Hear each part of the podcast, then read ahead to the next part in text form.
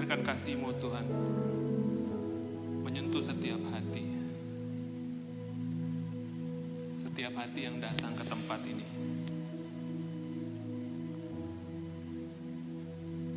Basahi tanah hati yang kering. Jumpai yang terhilang. Balut yang terluka. Hampir yang sendiri. Limpahkan kasih-Mu Tuhan kepada anak-anak-Mu. Kami berdoa biar dalam pemberitaan firman-Mu Kau mencurahkan anugerah-Mu. Membasahi setiap tanah hati sampai penuh dengan kasih-Mu. Buat kami mengerti kebenaran-Mu Tuhan, sebab tanpa roh kudus kami tidak akan pernah mengerti. Bukakan mata hati kami, pikiran kami, hati kami, untuk kau taburi dengan kebenaran-Mu.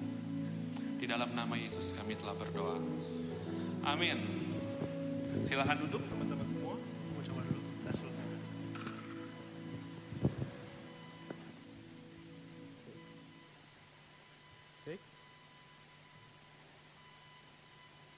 Selamat sore. Belum terdengar. Selamat sore. Sudah ya. Enggak, ini bukan tes, pertanyaan. Selamat sore, gitu ya. Baik.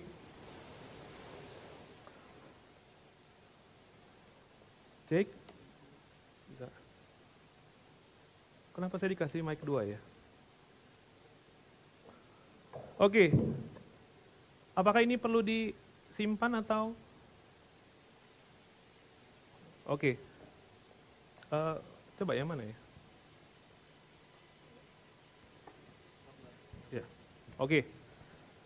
Oke. Eh, teman-teman semua memasuki eh, bulan ini di minggu yang ketiga ini kita akan belajar sebuah tema, boleh ditampilkan ya. Eh, selama tiga bulan ini kita belajar bagaimana Injil menyentuh area-area kehidupan kita. Ya, dan hari ini adalah minggu yang ketiga dan kita akan belajar tentang Injil dan kebutuhan kita akan cinta dan seks. Tentu ini bukan sex education, teman-teman semua, ya. Tetapi bagaimana apa yang menjadi pengaruh antara kuasa Injil dengan kebutuhan kita akan cinta. Bilang di kanannya, apakah kamu sedang mencari cinta?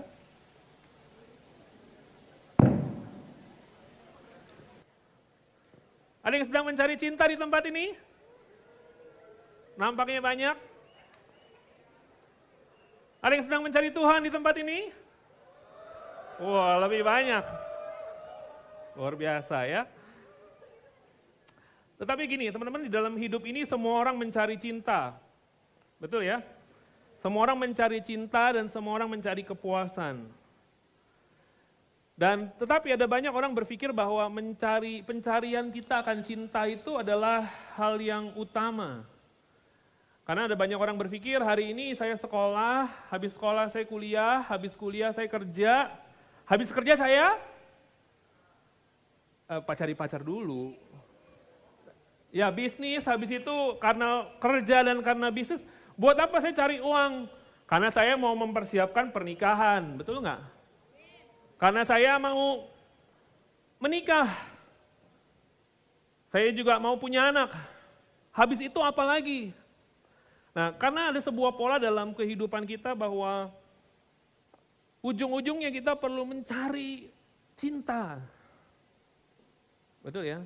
Mencari cinta dari pasangan, dari istri, dari suami suatu saat nanti, dari anak-anak. Sehingga ada dalam pemikiran kita bahwa Pencarian cinta ini adalah sebuah kebutuhan yang utama dalam hidup. Apakah semua teman-teman di sini mau menikah? Hampir semuanya, tidak pun tidak apa-apa. Ya. Tetapi yang menjadi masalah adalah ada orang, mungkin di antara kita semua juga hari ini sedang berburu cinta. Seperti orang yang seperti orang yang kurang kasih sayang. Betul ya? Ada banyak orang aku percaya semua orang pada akhirnya mungkin mau bertemu dengan uh, orang yang sangat mengasihi dia. Tapi mungkin hari ini menjadi sebuah masalah ketika kita ini berfokus menjadikan pencarian akan cinta sebagai hal yang utama.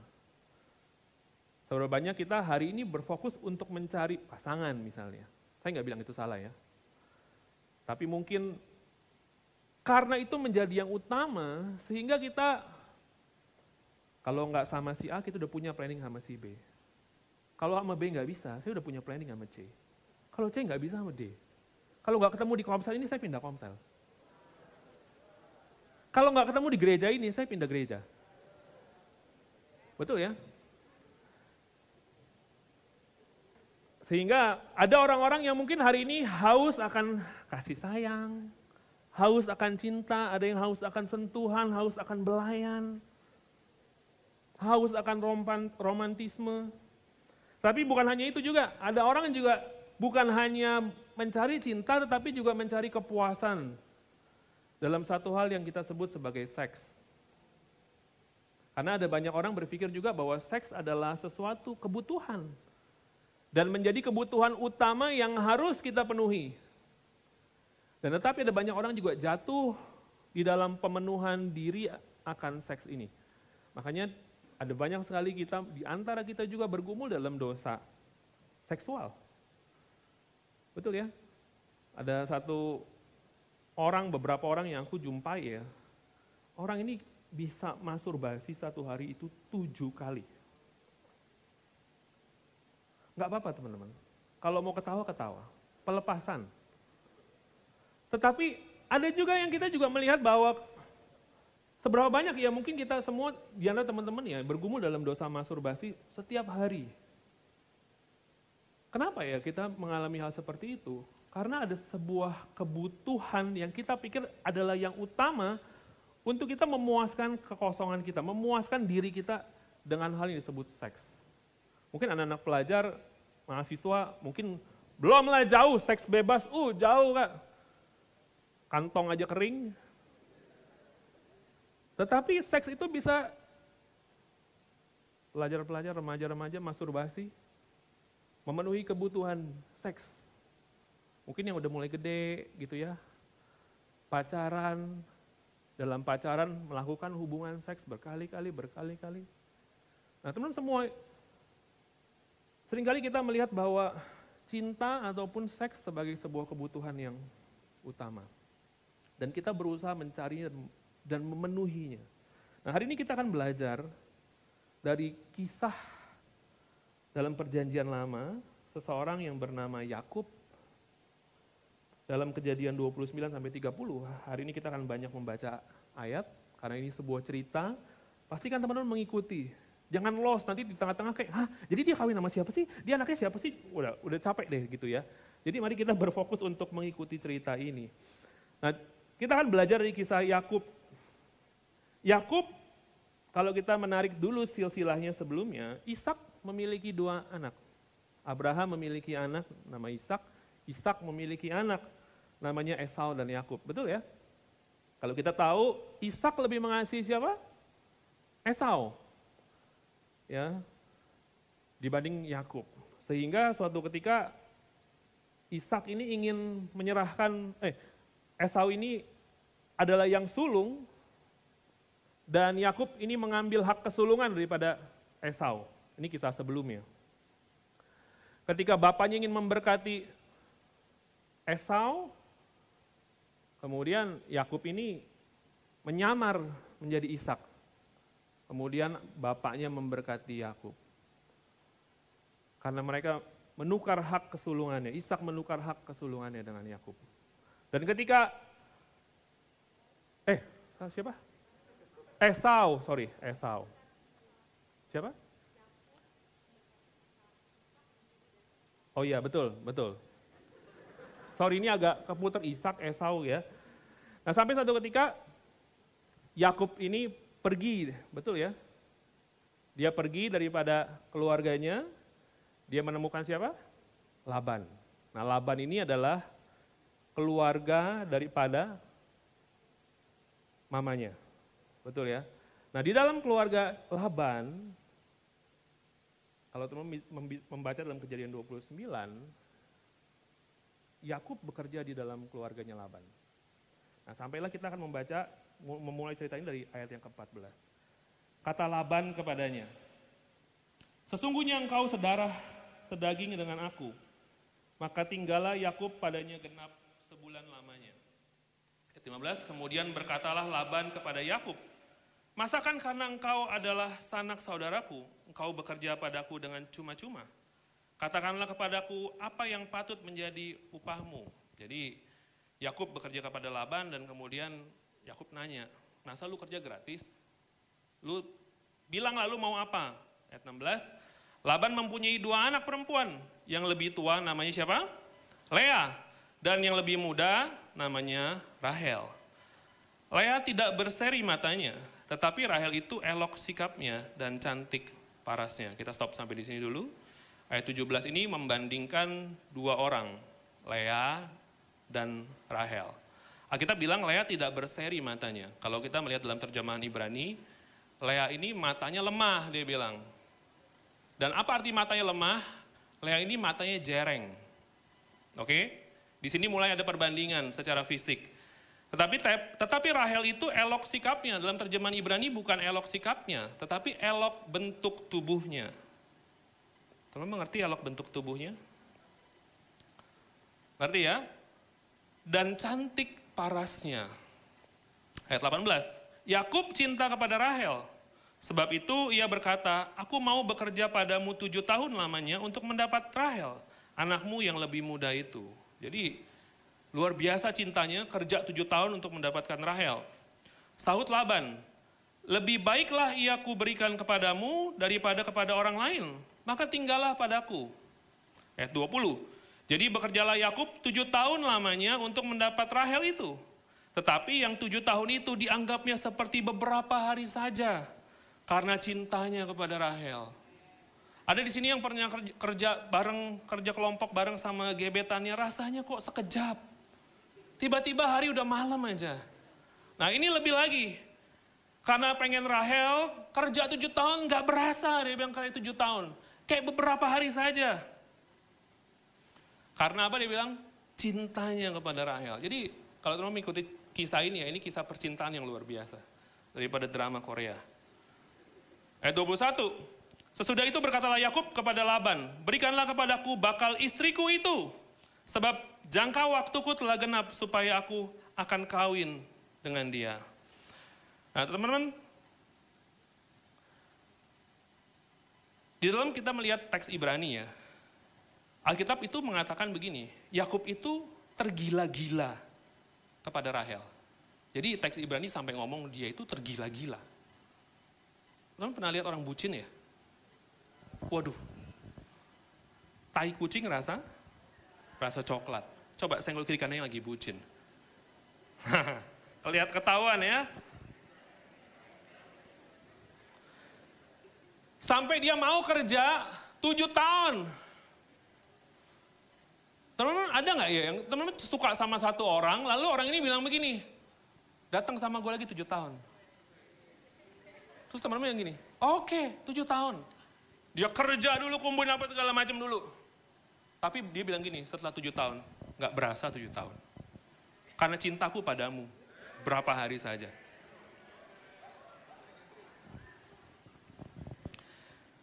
Dan kalau kita melihat di ayat yang ke-21, Waktu Yakub berkata kepada Laban, akhirnya kan dia sudah bekerja tujuh tahun dan dia berkata kepada Laban, berikan kepadaku bakal istriku itu, sebab jangka waktuku telah genap supaya aku akan kawin dengan dia. Di dalam teks Ibrani itu nggak ngomong begitu. Dalam teks Ibrani itu dia bilang begini, saya itu tidak sabar berhubungan seks dengan anakmu. Wah kurang ajar banget ya. Berikan dia sekarang. Anak SMP tahu seks? Jangan di googling sekarang. Tanya kepada faselnya. Nanti fasel akan menjawabnya dengan bijaksana. Oke? Okay? Tetapi teman-teman, Teks, teks Ibrani itu mengatakan, saya tidak, tidak sabar berhubungan seks dengan anakmu itu. Kalau gue jadi bapak, gue gampar. Bolak-balik gue gampar. Tetapi teman-teman kalau kita melihat cerita ini ya, mengapa hal seperti ini terjadi dalam diri Yakub? Karena hidup Yakub itu kosong. Kalau kita memutar ceritanya ke belakang, Yakub itu tidak pernah mendapat kasih daripada ayahnya, dan dia kehilangan kasih daripada ibunya. Dan ada banyak orang berpikir bahwa dengan menemukan cinta sejati, maka segala sesuatu dalam hidup kita akan beres. Betul ya? Makanya ada pola dalam kehidupan kita ini adalah yang paling terakhir tuh kawin. Punya anak, punya hidup keluarga yang bahagia, itu goalnya. Dan dunia ini membuat pola seperti itu. Dan kita berpikir bahwa Menemukan cinta adalah tujuan akhir daripada hidup kita. Tetapi tidak ada kasih manusia yang dapat memenuhi syarat bagi peran itu. Tidak ada kasih manusia yang bisa memenuhinya. Sehingga akhir daripada pencarian akan cinta daripada manusia cuma satu, kekecewaan. Dan itu yang akan kita lihat dalam kisah ini. Dan kekosongan jiwa Yakub ini membuat dia rentan sekali untuk memperoleh, mencari cinta. Ketika dia menawarkan diri untuk bekerja selama tujuh tahun demi Rahel, sebetulnya itu hampir empat kali lipat harga yang umum untuk mendapat pasangan. Jadi teman-teman pada zaman itu, kalau kita ini mau mengawini seorang perempuan, kita ini harus bayar kepada bapaknya.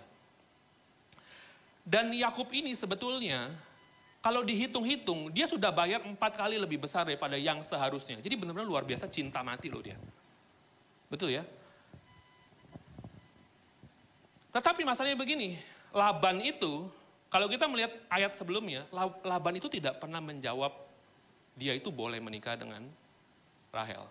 Jadi waktu Yakub ini bilang ini, gue mau kawin sama Rahel. Sebetulnya Laban itu tidak pernah bilang, oke okay, boleh, dia bilang gini, lebih baik. Oke, dia bilang lebih baik. Jadi dia tidak menjawab boleh atau enggak boleh. Nah ini udah masalah. Mari kita lihat ayat yang ke-22. Lalu Laban mengundang semua orang di tempat itu dan mengadakan perjamuan pesta. Jadi akhirnya karena dia sudah bekerja itu tahun, oke okay lah Laban bikin pesta. Tetapi pada waktu malam, diambilnya lah siapa? Lea anaknya. Lalu dibawanya kepada Yakub maka Yakub pun menghampiri dia. Jadi ditipu dia. Lagi pula Laban memberikan Zilpa budaknya perempuan kepada Lea anaknya itu menjadi budaknya. Ayat 25. Tetapi pada waktu pagi tampaklah bahwa itu Lea. Lalu berkatalah Yakub kepada Laban, apakah yang kau perbuat terhadap aku ini? Bukankah untuk mendapat Rahel aku bekerja padamu? Mengapa engkau menipu aku? Jadi Teman harus tahu background story-nya, tradisi budayanya. Pada saat perayaan pesta pernikahan, Laban mengantarkan anaknya kepada Yakub.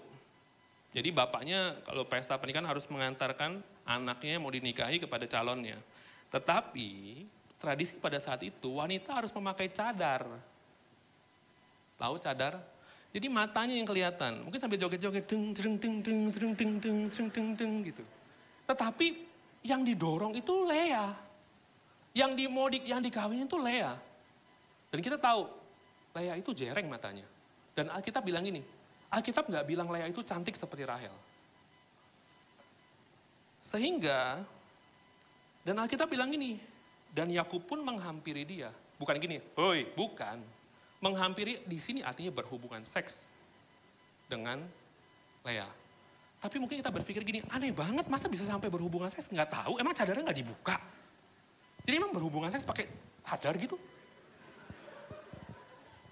Tetapi juga dalam tradisi pernikahan, orang-orang di dalam itu, orang-orang dalam pesta itu biasa mabuk.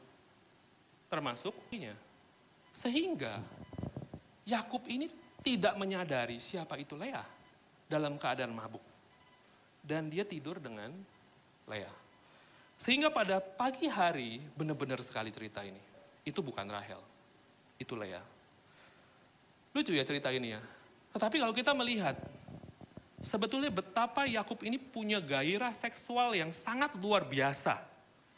Di dalam mabuknya sekalipun dia tiduri Lea, walau Lea sebenarnya. Eh bukan Rahel sebetulnya. Jadi betapa hasratnya begitu hasratnya akan cinta itu begitu luar biasa, gairahnya itu begitu luar biasa. Sampai dia bilang kepada Laban, Kenapa lu tipu gua? Teman-teman kalau kita melihat dalam kehidupan seks dengan orang yang dia tidak cintai. Betul ya? Kalau dulu waktu aku um, kerja ada bahasanya one night stand. Artinya apa? Pokoknya gue sama lu kita ketemu, kita bukan pacaran, gue juga gak suka sama lu, gua, lu juga gak cinta sama gue, yang penting kita ada seperti itu.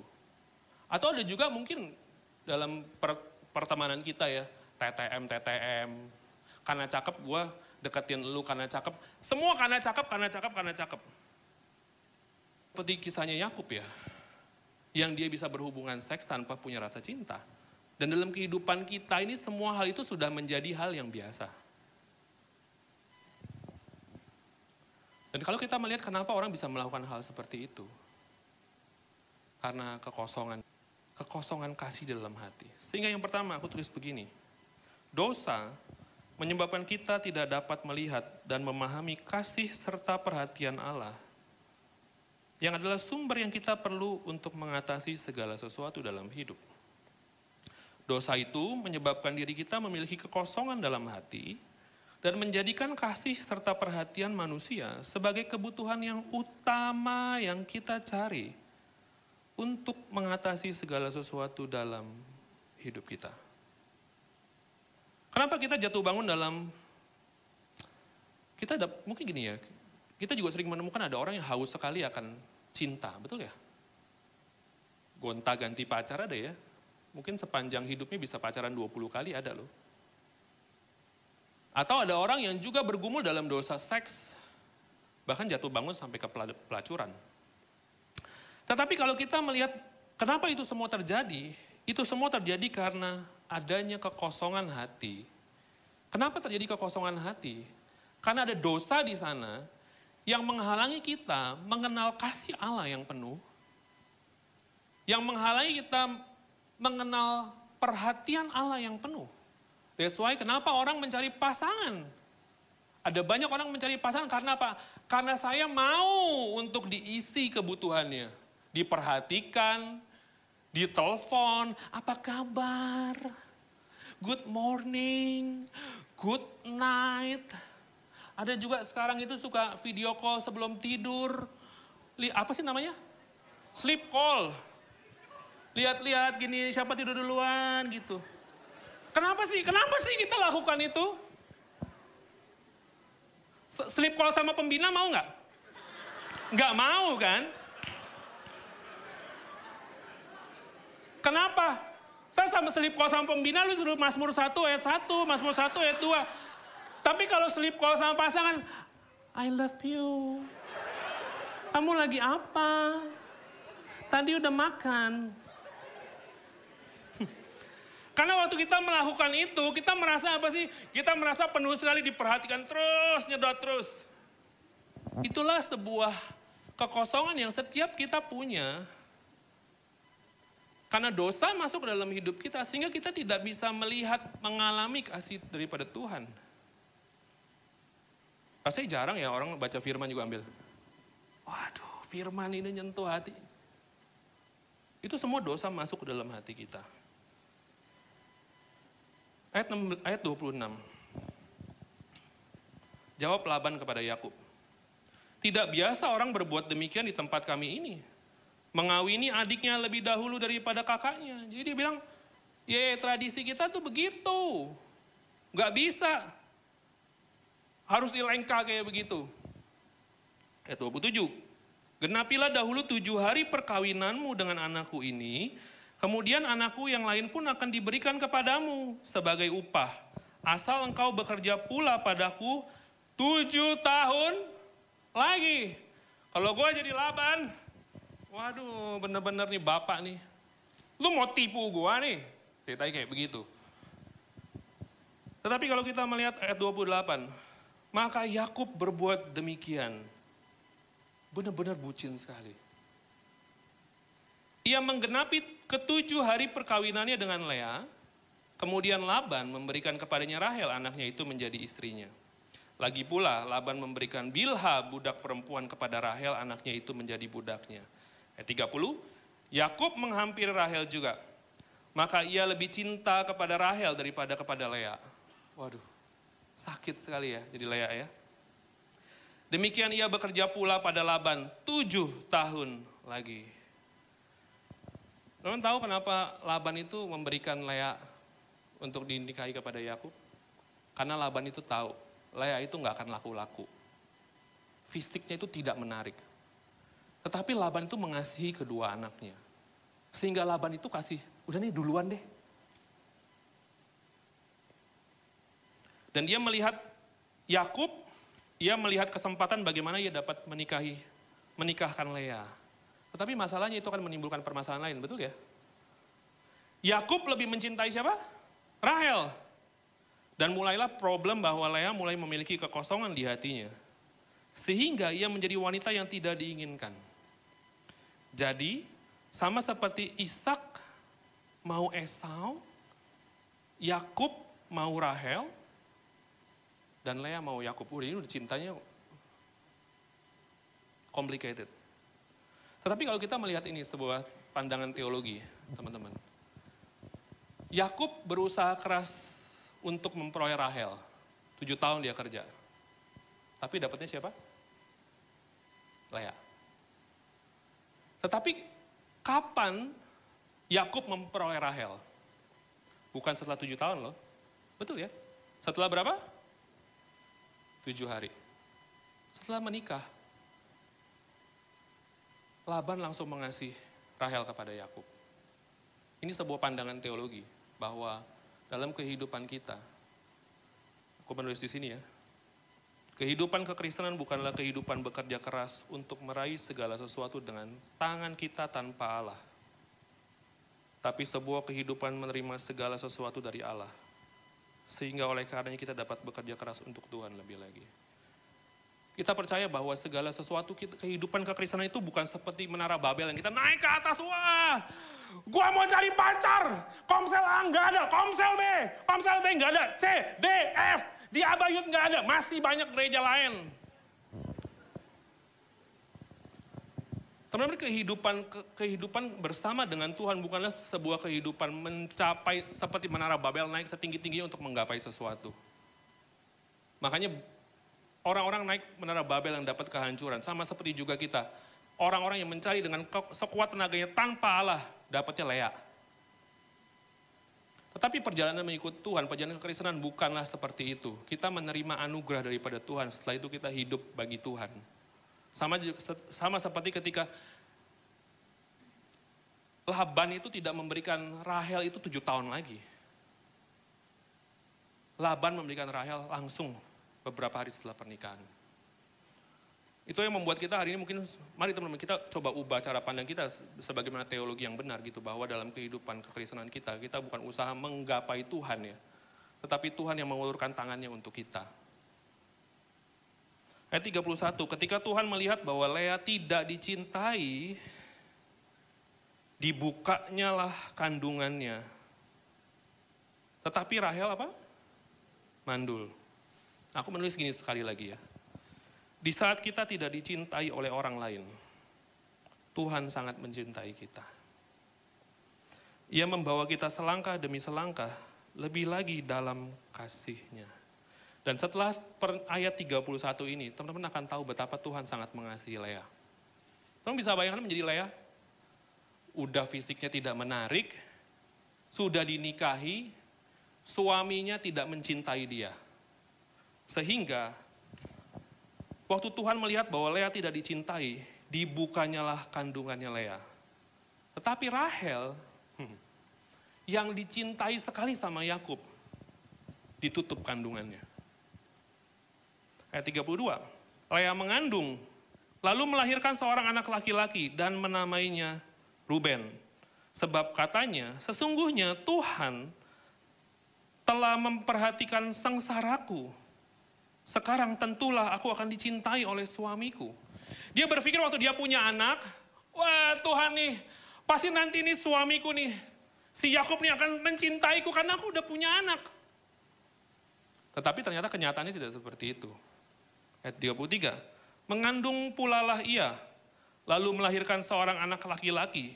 Maka ia berkata, sesungguhnya Tuhan telah mendengar bahwa aku tidak dicintai. Teman-teman ini bukan satu hari selang dua hari ya. Ini mengandung loh ya. Jadi ada sebuah proses yang panjang.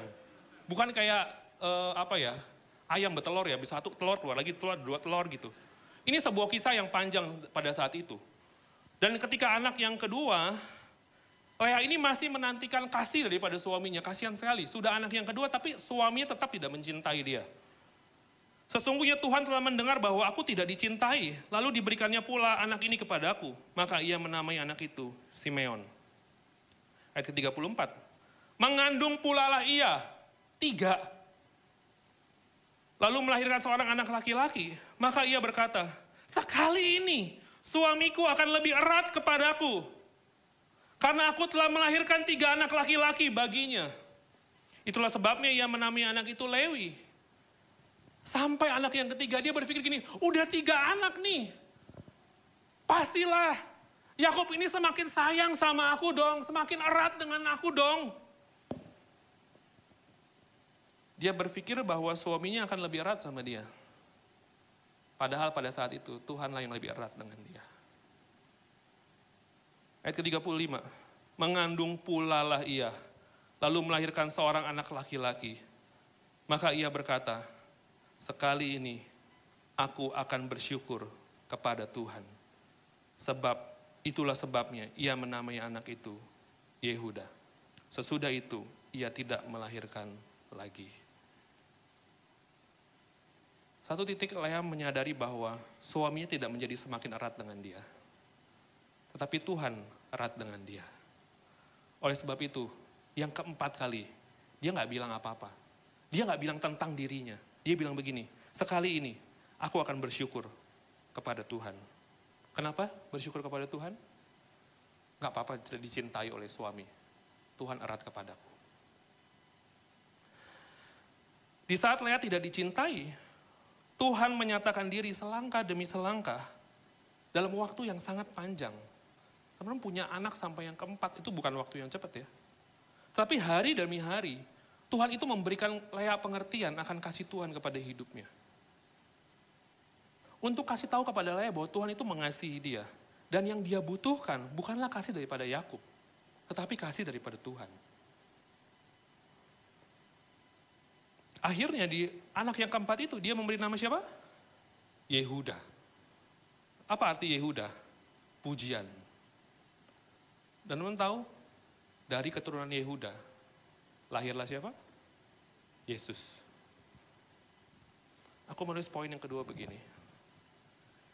Pribadi dan dunia yang kita harapkan untuk mencintai dan memperhatikan kita, sesungguhnya tidak akan pernah mampu mencintai dan memperhatikan kita dengan utuh. Bahkan suami sekalipun, istri sekalipun. Kasih dan perhatian Tuhan hadir dan menyentuh kita secara penuh di saat pribadi dan dunia tidak mengasihi dan memperhatikan kita. Ia melihat penderitaan kita, ia mendengar isi hati kita, ia melekat dan sayang pada kita, sehingga kesukaan dan pujian kita hanya padanya. Teman-teman kalau mau tahu apa yang Tuhan ajar kepada Lea, boleh nggak dikasih lihat slide sebelumnya? Ini yang Tuhan ajar kepada Lea. Bahwa Tuhan itu memperhatikan Lea. Teman-teman di saat kau merasa tidak ada yang memperhatikan, Tuhan memperhatikanmu.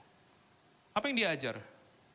Waktu engkau merasa engkau tidak ada orang yang mendengar isi hatimu, ceritamu, keluh kesahmu, kerinduanmu yang paling dalam, Tuhan mendengar. Waktu engkau merasa tidak ada orang yang erat denganmu, dekat denganmu. Dia pakai bahasa erat ya. Pakai bahasa dekat denganmu. Tetapi Tuhan itu erat denganmu. Sehingga lewat tiga anak yang sebelumnya, Lea mengerti pesan yang Tuhan mau kasih buat dia. Sehingga di anak yang keempat, dia berkata apa? Aku bersyukur kepada Tuhan. Kenapa? Suamiku ini tidak ada, tidak erat denganku, suami ini, suamiku ini tidak mendengar aku, suamiku ini tidak memperhatikanku. Tetapi Tuhan melakukan semua itu kepadaku. Sehingga itulah pujian kepada Tuhan. Dan aku bersyukur kepada Tuhan. Teman-teman semua di dalam kehidupan ini, seberapa banyak kita lagi ada di titik yang galau, hancur, kita ditinggalkan orang. Jangankan kita ngomong ditinggal, kita didengar orang pun tidak. Jangankan ngomong didengar ya. Kita dilihat pun tidak. Kita diingat pun tidak. Tetapi pesan hari ini adalah bahwa manusia tidak dapat memenuhi semua itu dalam hidup kita. Tetapi Tuhan melakukan semua itu kepada kita. Sehingga hidup kita akan menceritakan pujian kepada Tuhan karena kasih Tuhan lebih besar daripada kasih orang lain kepada kita. Ayat yang ketiga, ayat yang ke satu. Kejadian 30 ayat 1. Ketika dilihat Rahel bahwa ia tidak melahirkan anak bagi Yakub, cemburulah ia kepada kakaknya itu. Ini udah complicated sekali kisah cinta ini. Karena Rahel ini ditutup kandungannya sama Tuhan. Cemburulah ia kepada kakaknya itu, lalu berkata kepada Yakub, berikanlah kepadaku anak, kalau tidak aku akan mati, dia bilang. Ayat 2, maka bangkitlah amarah Yakub kepada Rahel, dan ia berkata, akulah pengganti Allah yang telah menghalangi engkau mengandung. Jadi, adakah kita juga menggantikan Allah dengan yang lain ya? Rahel berpikir bahwa dia mau mengganti Allah ya dengan Yakub, dengan manusia. Ya. Teman-teman, juga seberapa banyak kita hari ini menggantikan kasih Tuhan, posisi Tuhan dalam hidup kita juga dengan pacar kita ya, dengan pemimpin kita, dengan pemurid kita ya, dengan teman kita, dengan pasangan kita ya, dengan komunitas kita bahkan. Coba mari kita renungkan dulu sebentar ya. Seberapa banyak kita justru kasih dalam hidup kita yang seharusnya Tuhan yang isi ya, kita ganti dengan manusia. Kejadian 30 ayat 33. Ini sebuah kisah lagi. Anak Yakub dengan Bilha. Kata Rahel, ini Bilha budakku perempuan. Hampirilah dia supaya ia melahirkan anak di pangkuanku. Dan supaya oleh dia aku pun mempunyai keturunan. Maka diberikannya Bilha budaknya itu kepada Yakub menjadi istrinya. Dan Yakub menghampiri budak itu. Memang ini laki-laki ya, dikasih ikan asin juga. Apa dicaplok? Katanya lu cinta sama Rahel. Kalau lu cinta sama Rahel, lu ngomong dong, enggak aku cinta padamu, kamu satu-satunya. Ini enggak lu, enggak pakai babi bu bebek, oke. Para wanita, laki-laki itu seperti itu. Bodoh. Berkatalah Rahel, Allah telah memberikan keadilan kepadaku, juga telah didengarkannya permohonanku, dan diberikannya kepadaku seorang anak laki-laki. Itulah sebabnya ia menamai anak itu Dan. Ayat 7, mengandung pula lah Bilha, budak perempuan Rahel, lalu melahirkan anak laki-laki yang kedua bagi Yakub. Berkatalah Rahel, aku telah sangat berhebat bergulat dengan kakakku dan aku pun menang. Maka ia menamai anak itu Naftali. Benar-benar Rahel punya sebuah usaha keras untuk punya anak. Sampai dia bilang gini, aku telah sangat bergulat dengan kakakku. Benar-benar, karena cinta ya. Dia bergulat hebat dengan kakaknya. Tapi dia bilang ini, aku ini menang. Padahal sesungguhnya dia sama sekali tidak menang. Betul ya?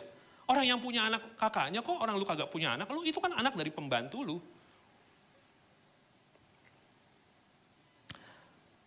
Teman-teman, sekali lagi ya, perjalanan mengikut Tuhan bukan perjalanan kita berusaha keras, kita seperti naik ke atas, terus kita goncang-goncang tangan Tuhan. Tuhan, Tuhan, gini-gini segala macam ya. Aku ngomong saya lagi gini, kehidupan kekristenan adalah kehidupan berjalan dalam kasih karunia Tuhan. Kalau kita hari ini sama seperti Yakub dalam pencarian kita, eh sama seperti ya, sama seperti Lea ini, Rahel ini, Yakub ini mencari cinta ya, di, di luar daripada tuntunan Tuhan ya. Nanti kita, kita dapatnya Lea. Tetapi perjalanan kekristenan adalah perjalanan di dalam anugerah Tuhan. Perjalanan kita percaya kepada Tuhan, berjalan sesuai dengan tuntunan Tuhan. Di situlah Tuhan akan memberikan kita yang terbaik. Makanya ya cowok-cowok pemangsa predator ya. Yang benar-benar mata keranjang nggak ada habis-habisnya ya. Dengar ya, kamu nggak akan mendapat apa-apa yang baik. Tetapi orang-orang yang sungguh menantikan Tuhan dan rencana Tuhan di hidupnya dia, dia akan menemukan yang terbaik. Makanya halo hari ini, kau yang datang ke komsel sudah.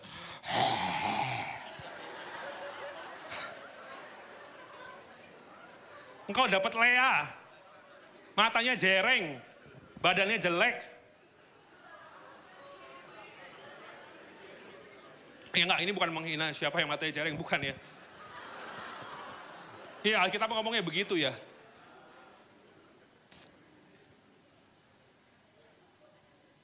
Lagi-lagi ya para predator ya. Nggak akan mendapat apa yang baik, karena dalam perjalanan kekristenan ya. Bukan bukan itu ya. Bukan seperti kita naik tangga ke atas, tapi kita melihat dan menanti bagaimana Tuhan mencurahkan anugerahnya. Mari kita lihat, ayat berikutnya, kejadian 30 ayat 9. Ketika dilihat Lea bahwa ia tidak melahirkan lagi, diambilnyalah Zilpa, budaknya perempuan. Ini benar-benar sudah complicated sekali. Ini bisa Netflix bisa berapa kali ya serinya ya. Dan diberikannya kepada Yakub menjadi istrinya. Jadi sekarang nih Lea nih, udah nggak punya anak lagi, dia kasih budaknya lagi. Dan Zilpa, budak perempuan Lea melahirkan seorang anak laki-laki bagi Yakub. Benar-benar nih Yakub nih, benar-benar ya. Lea diembat, Rahel juga diembat, anak budaknya Rahel juga diembat. Sekarang budaknya Lea juga mau juga ya. Betapa kosongnya orang ini ya teman-teman. Tapi dalam kehidupan kita juga mungkin kita juga seperti itu ya. Mungkin teman-teman gak sehebat Yakub ya.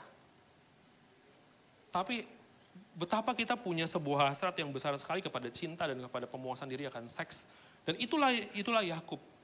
Benar-benar kalau kita ngomong kita Yakub tuh cinta sama Rahel, aku juga nggak bisa bayangin. Kok ngomong cinta sama Rahel udah tujuh kerja tujuh tahun, tujuh tahun lagi. Loh dikasih budak kok mau-mau aja ya. Lu benar-benar cinta apa enggak gitu. Iya kan? Jadi orang ini benar-benar dalam keadaan yang begitu rusak sekali. Ayat 12, dan Zilpa budak perempuan Lea melahirkan anak laki-laki yang kedua bagi Yakub. Ayat 13 berkatalah Lea, aku ini berbahagia. Tentulah perempuan-perempuan akan menyebut aku berbahagia. Maka ia menamai anak itu Asyir. Kemudian ayat 14. Ketika Ruben pada musim menuai, Ruben ini kan anak siapa? Anaknya Lea yang pertama ya. Ketika Ruben pada musim menuai gandum pergi berjalan-jalan, didapatinya lah di padang buah Dudaim. Lalu dibawanya kepada Lea ibunya. Kata Rahel kepada Lea, berikanlah aku beberapa buah Dudaim yang didapat oleh anakmu itu. Teman tahu buah Dudaim? Buah Dudaim itu pada saat itu adalah buah untuk yang dimakan menambah gairah seksual dan menambah kesuburan. Jadi ini oh gimana ya? Ini ini kisahnya itu udah campur aduk campur aduk sekali. Udah complicated ya. Jadi Ruben ini lagi menuai buah dudaim, lalu dikasih ke Lea dan Rahel itu ngomong gitu, gue mau dong buah dudaim itu. Kenapa? Dia berpikir dia makan buah dudaim, suburlah dia, birahilah dia. Kemudian apa? Dia punya anak. Ayat 15, jawab Lea kepadanya, apakah belum cukup bagimu mengambil suamiku? Gua kalau jadi Lea tuh kayaknya udah, gue baca kisah ini juga berkali-kali kayaknya gue. Mungkin dia juga nangis-nangis ya. Lu udah ngambil laki gue. Sekarang buah dudaim dari Ruben lu juga mau. Gila lo.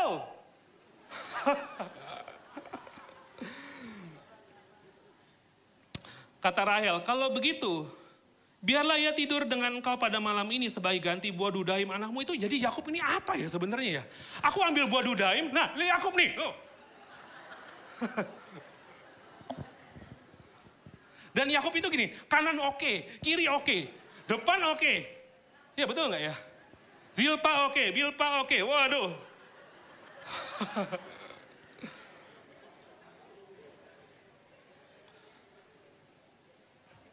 Jadi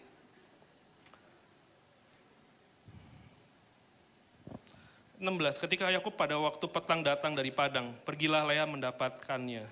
Sambil berkata, engkau harus singgah kepadaku malam ini. Sebab memang engkau telah kusewa dengan buah duda.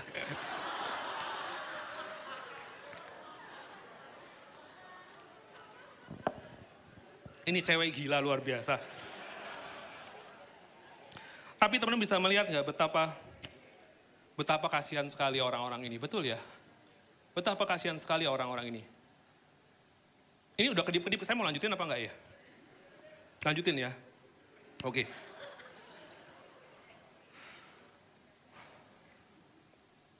Jadi Rahel itu berpikir dia terima buah dudaim, dia makan buah dudaim untuk kesuburannya, dia punya anak. Dan Lea berpikir dia tidur dengan Yakub, dia juga punya anak. Jadi dua-duanya orang-orang yang benar-benar kasihan sekali. Bagi Rahel dengan mendapatkan buah dudaim, walaupun dia harus merelakan suaminya tidur dengan kakaknya, dia berharap bisa hamil dengan memakan buah dudaim. Begitu juga bagi Lea. Lea berharap bisa hamil dengan tidur bersama dengan Yakub. Tetapi disimpulkan sesuatu. Rahel pun akhirnya juga makan buah dudaim, dan Lea pun akhirnya tidur dengan Yakub. Dua-duanya sama mengharapkan punya anak dengan usaha-usaha yang mereka lakukan. Tapi sebetulnya mereka dua-duanya nggak dapat apa-apa.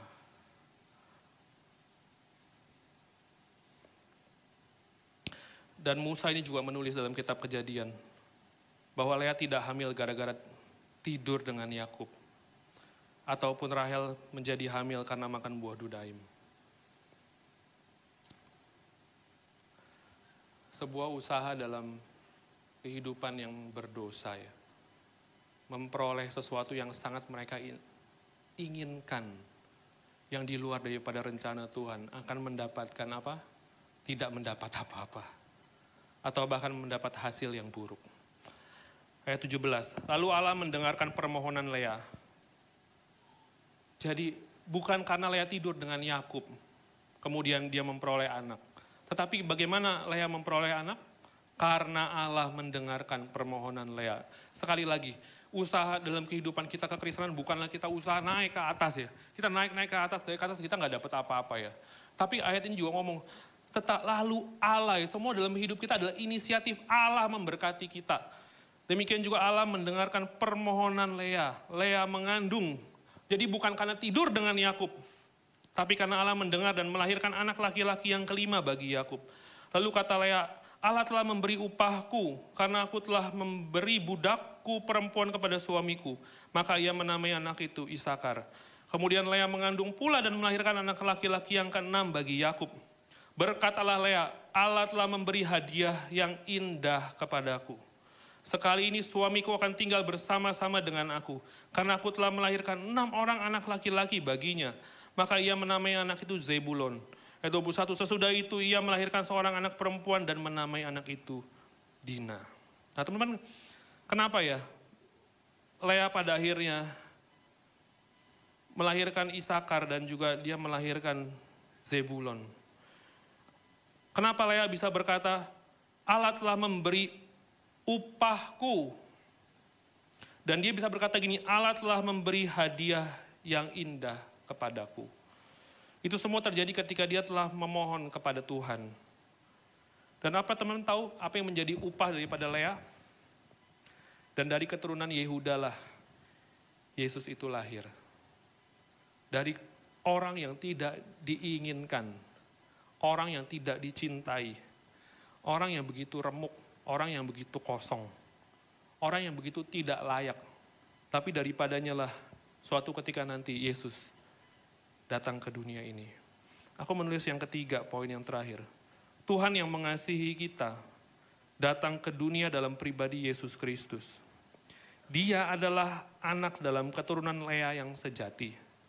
Dia menjadi manusia yang tidak diinginkan oleh siapa pun, seperti Lea juga tidak diinginkan. Yesus dilahirkan dalam kehinaan, seperti juga Lea pada saat itu ketika orang pada zaman itu tidak mempunyai anak, berarti orang itu dikutuk oleh Tuhan dan hina di hadapan manusia. Tetapi dari, daripada Lea, lahirlah Yesus yang dilahirkan dalam kehinaan juga. Yesus datang kepada milik kepunyaannya yang adalah kita. Tetapi milik kepunyaannya kita, kita pun juga menolaknya. Bahkan kita pun meninggalkannya sampai ia mati tersalibkan. Itu semua ia lakukan supaya ia menyelamatkan kita dari kekosongan hati kita. Karena dialah kekasih dan mempelai kita yang sejati. Teman-teman kalau kita melihat kisah ini, aku menulis sebuah kesimpulan, boleh ditampilkan ya. Ini Dari semua anak-anak ini kita dapat melihat sebuah makna pesan yang Yesus mau sampaikan. Bahwa ketika Yakub kawin dengan Lea lahirlah Ruben, yang memiliki arti di saat tidak ada yang melihat penderitaanku, Allah telah melihat penderitaanku. Ketika dia kawin dengan, ketika lahirlah Simeon, memberikan pesan di saat tidak ada orang yang mendengar, Allah telah mendengarku. Ketika lahirlah Lewi, di saat tidak ada yang melekat dan sayang kepadaku, Allah yang melekat dan sayang kepadaku. Lahirlah Yehuda, di saat tidak ada yang bisa disyukuri dari hidupku, Allah menjadi pujianku.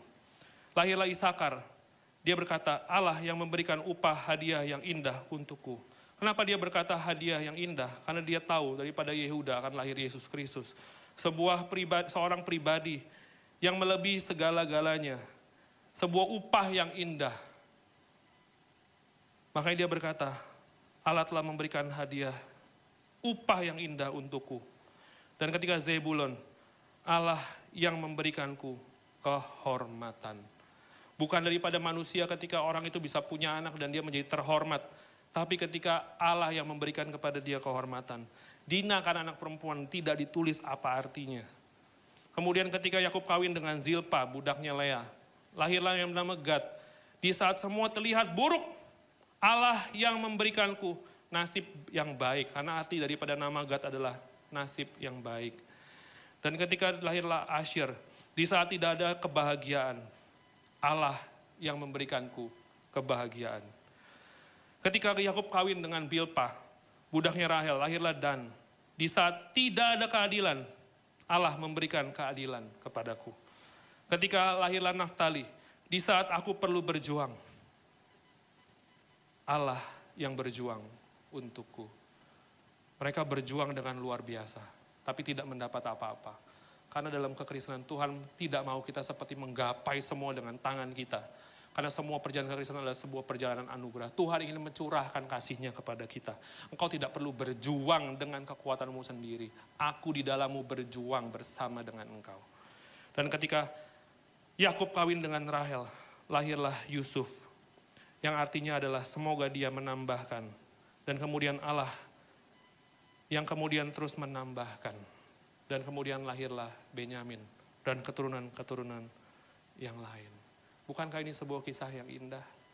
Bukanlah daripada cerita ini Allah sedang memberikan pesan kepada kita yang kosong, kita yang tidak diperhatikan, kita yang menderita, kita yang tidak didengar, kita yang tidak ada orang yang sayang dengan kita. Mungkin kita juga dibuang sama orang.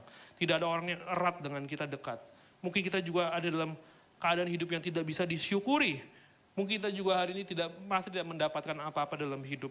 Mungkin kita juga seperti punya hidup yang hina, yang tidak layak. Mungkin dia juga nggak punya hidup yang nasibnya baik. Mungkin kau datang ke, tempat ini juga kau berpikir hidupmu tidak baik. Mungkin juga kau datang ke tempat ini dengan tidak memiliki kebahagiaan. Tidak memiliki keadilan. Tapi semua itu pesan firman hari ini. Allah yang ada bersama dengan kita dia yang memberikan itu semua kepada kita. Dan di ayat yang terakhir, kejadian 30 ayat 22. Lalu ingatlah Allah akan Rahel. Juga Rahel udah sampai makan buah dudaim ya. Udah tukar-tukeran, udah sewa menyewa suami. Gak terjadi apa-apa. Tetapi hidupnya Rahel itu juga karena kasih karunia Tuhan Lalu ingatlah Allah akan Rahel. Teman-teman Tuhan tidak pernah lupa akan hidupmu. Mungkin kau hari ini bekerja keras begitu rupa kau sampai menderita juga sampai capek luar biasa. Tapi bukanlah bekerja keras dengan kekuatan sendiri yang Allah inginkan. Dia mau kita bersandar kepada Tuhan. Bersandar kepada kasih karunia Tuhan. Teman tahu ciri orang yang bersandar kepada kasih karunia Tuhan itu apa? Ada damai sejahtera dalam hari-harinya dia. Karena dia tahu Tuhan tuntun hidup dia. Ada keyakinan lebih dan lebih lagi dalam kehidupannya dia. Karena dia tahu Tuhan bersama dengan dia. Ada kepercayaan penuh. Kau yang hari ini benar-benar jadi predator. Ah, gitu ya. Hari ini serahkan dirimu kepada Tuhan. Kau yang hari ini mungkin juga wanita-wanita yang kau insecure tidak punya jodoh. Sudah 25, 26, 27, 28, 29, itu nggak peduli ya sama sekali ya. Serahkan hidupmu kepada Tuhan. Ada banyak juga, siapa pun ya di antara kita banyak kasus di dalam gereja manipulasi begitu terjadi supaya apa? Supaya engkau jadi sama aku. Deketin dia, deketin dia, deketin dia. Ada plan A, plan B semua segala macam. Teman-teman, engkau akan dapat Lea. Karena semua perjalanan kekristenan kita, kehidupan kita adalah perjalanan anugerah. Seperti Tuhan jawab permohonannya Lea. Dan Tuhan ingat kepada Rahel. Demikian Tuhan juga akan jawab permohonan kita. Dan Tuhan ingat kepada kita. Ayat 23, maka mengandunglah Rahel dan melahirkan seorang anak laki-laki. Berkatalah ia, Allah telah menghapuskan aibku.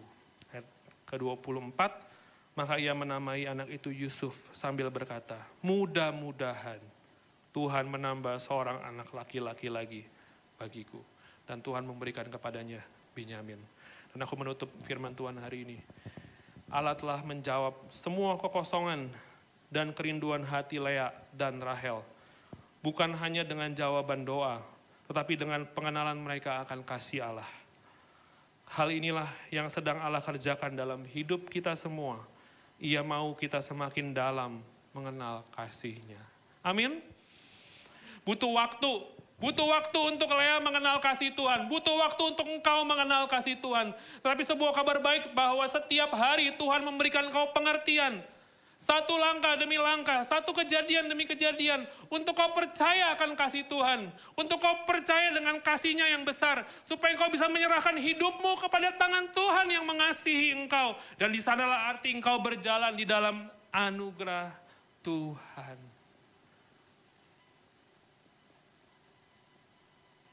Itulah hidup dalam kasih karunia. Itulah hidup dalam anugerah Tuhan. Adakah engkau hari ini datang ke tempat ini dengan sebuah pencarian sama seperti Yakub, sama seperti Lea, sama seperti Rahel?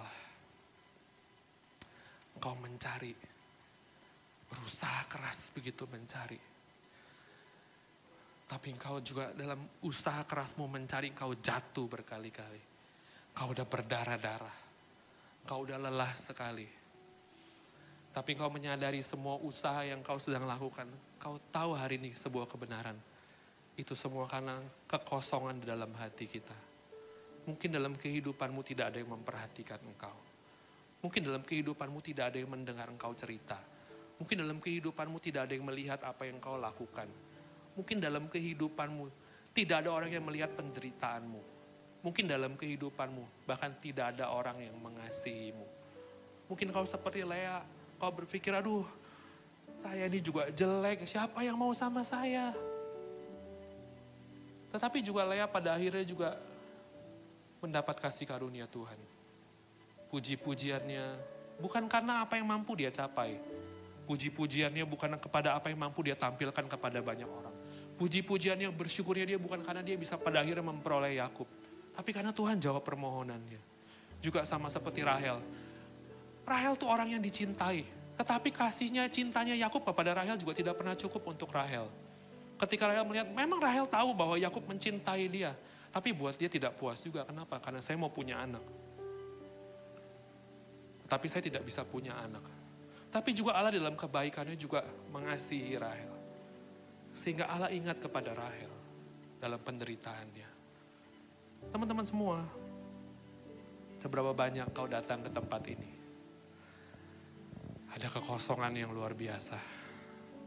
Semua pencarian kita akan sesuatu. Dimulai dari kekosongan kita yang luar biasa akan sesuatu hal. Mari tundukkan kepala kita. Mari izinkan roh kudus menyatakan apa yang sebenarnya yang kau cari. Mungkin kau bukan cari pribadi memang. Mungkin kau kosong. Kau cari perhatian karena kau tidak mendapat perhatian. Kau mencari pribadi karena hari-harimu hampa. Kau mencari kepuasan seks, masturbasi karena kau merasa hari-harimu flat, datar. Apa pun itu izinkan hari ini roh kudus berbicara. Sebari kita menyanyikan lagu ini betapa Tuhan begitu erat dengan hati kita. Terima kasih Tuhan. Dan dahsyatnya Tuhan kejadianku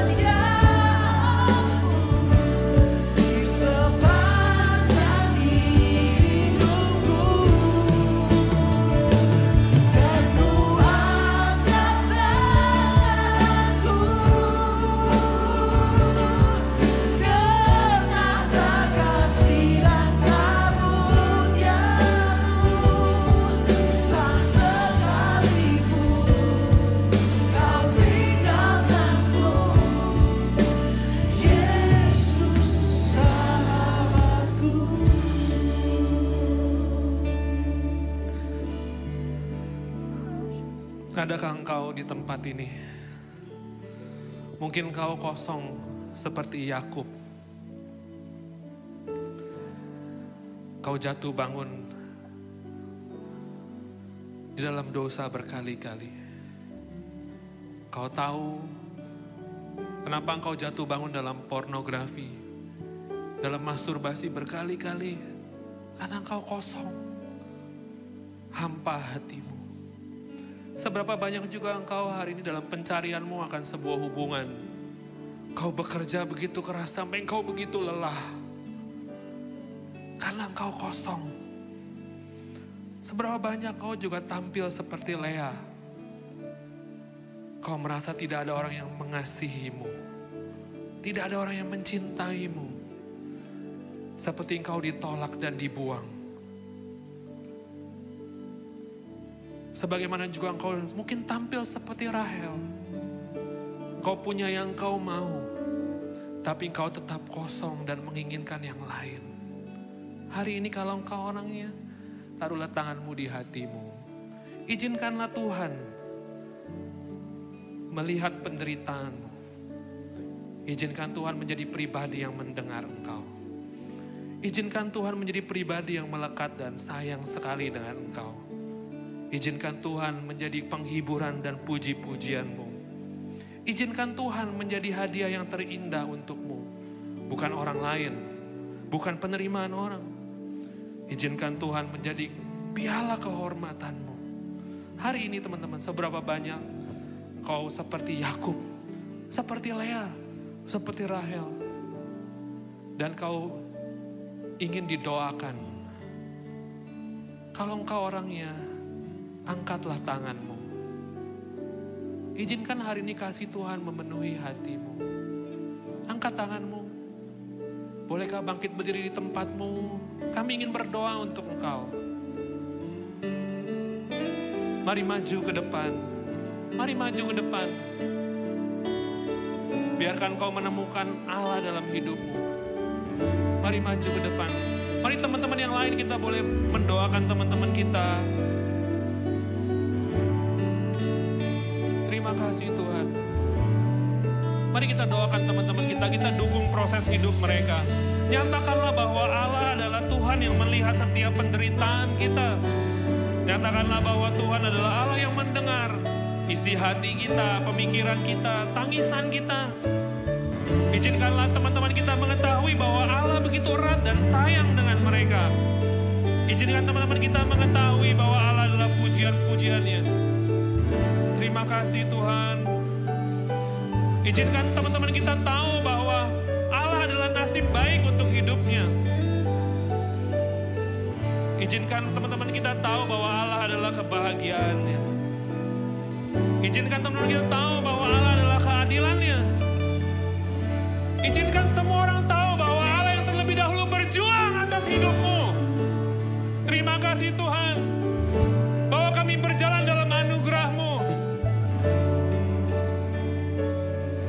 Datang kepada Tuhan. Terima kasih Tuhan.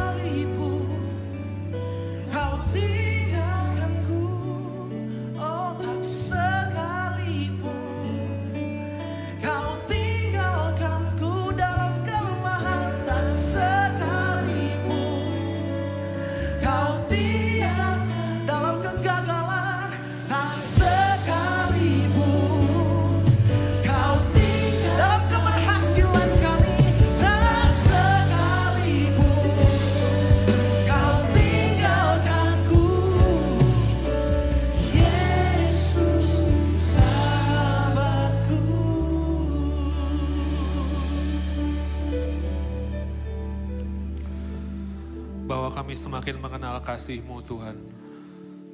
Dari hari ke hari, dari waktu ke waktu.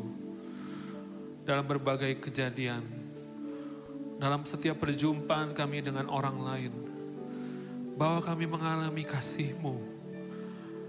Isi kekosongan hati kami yang terdalam Tuhan.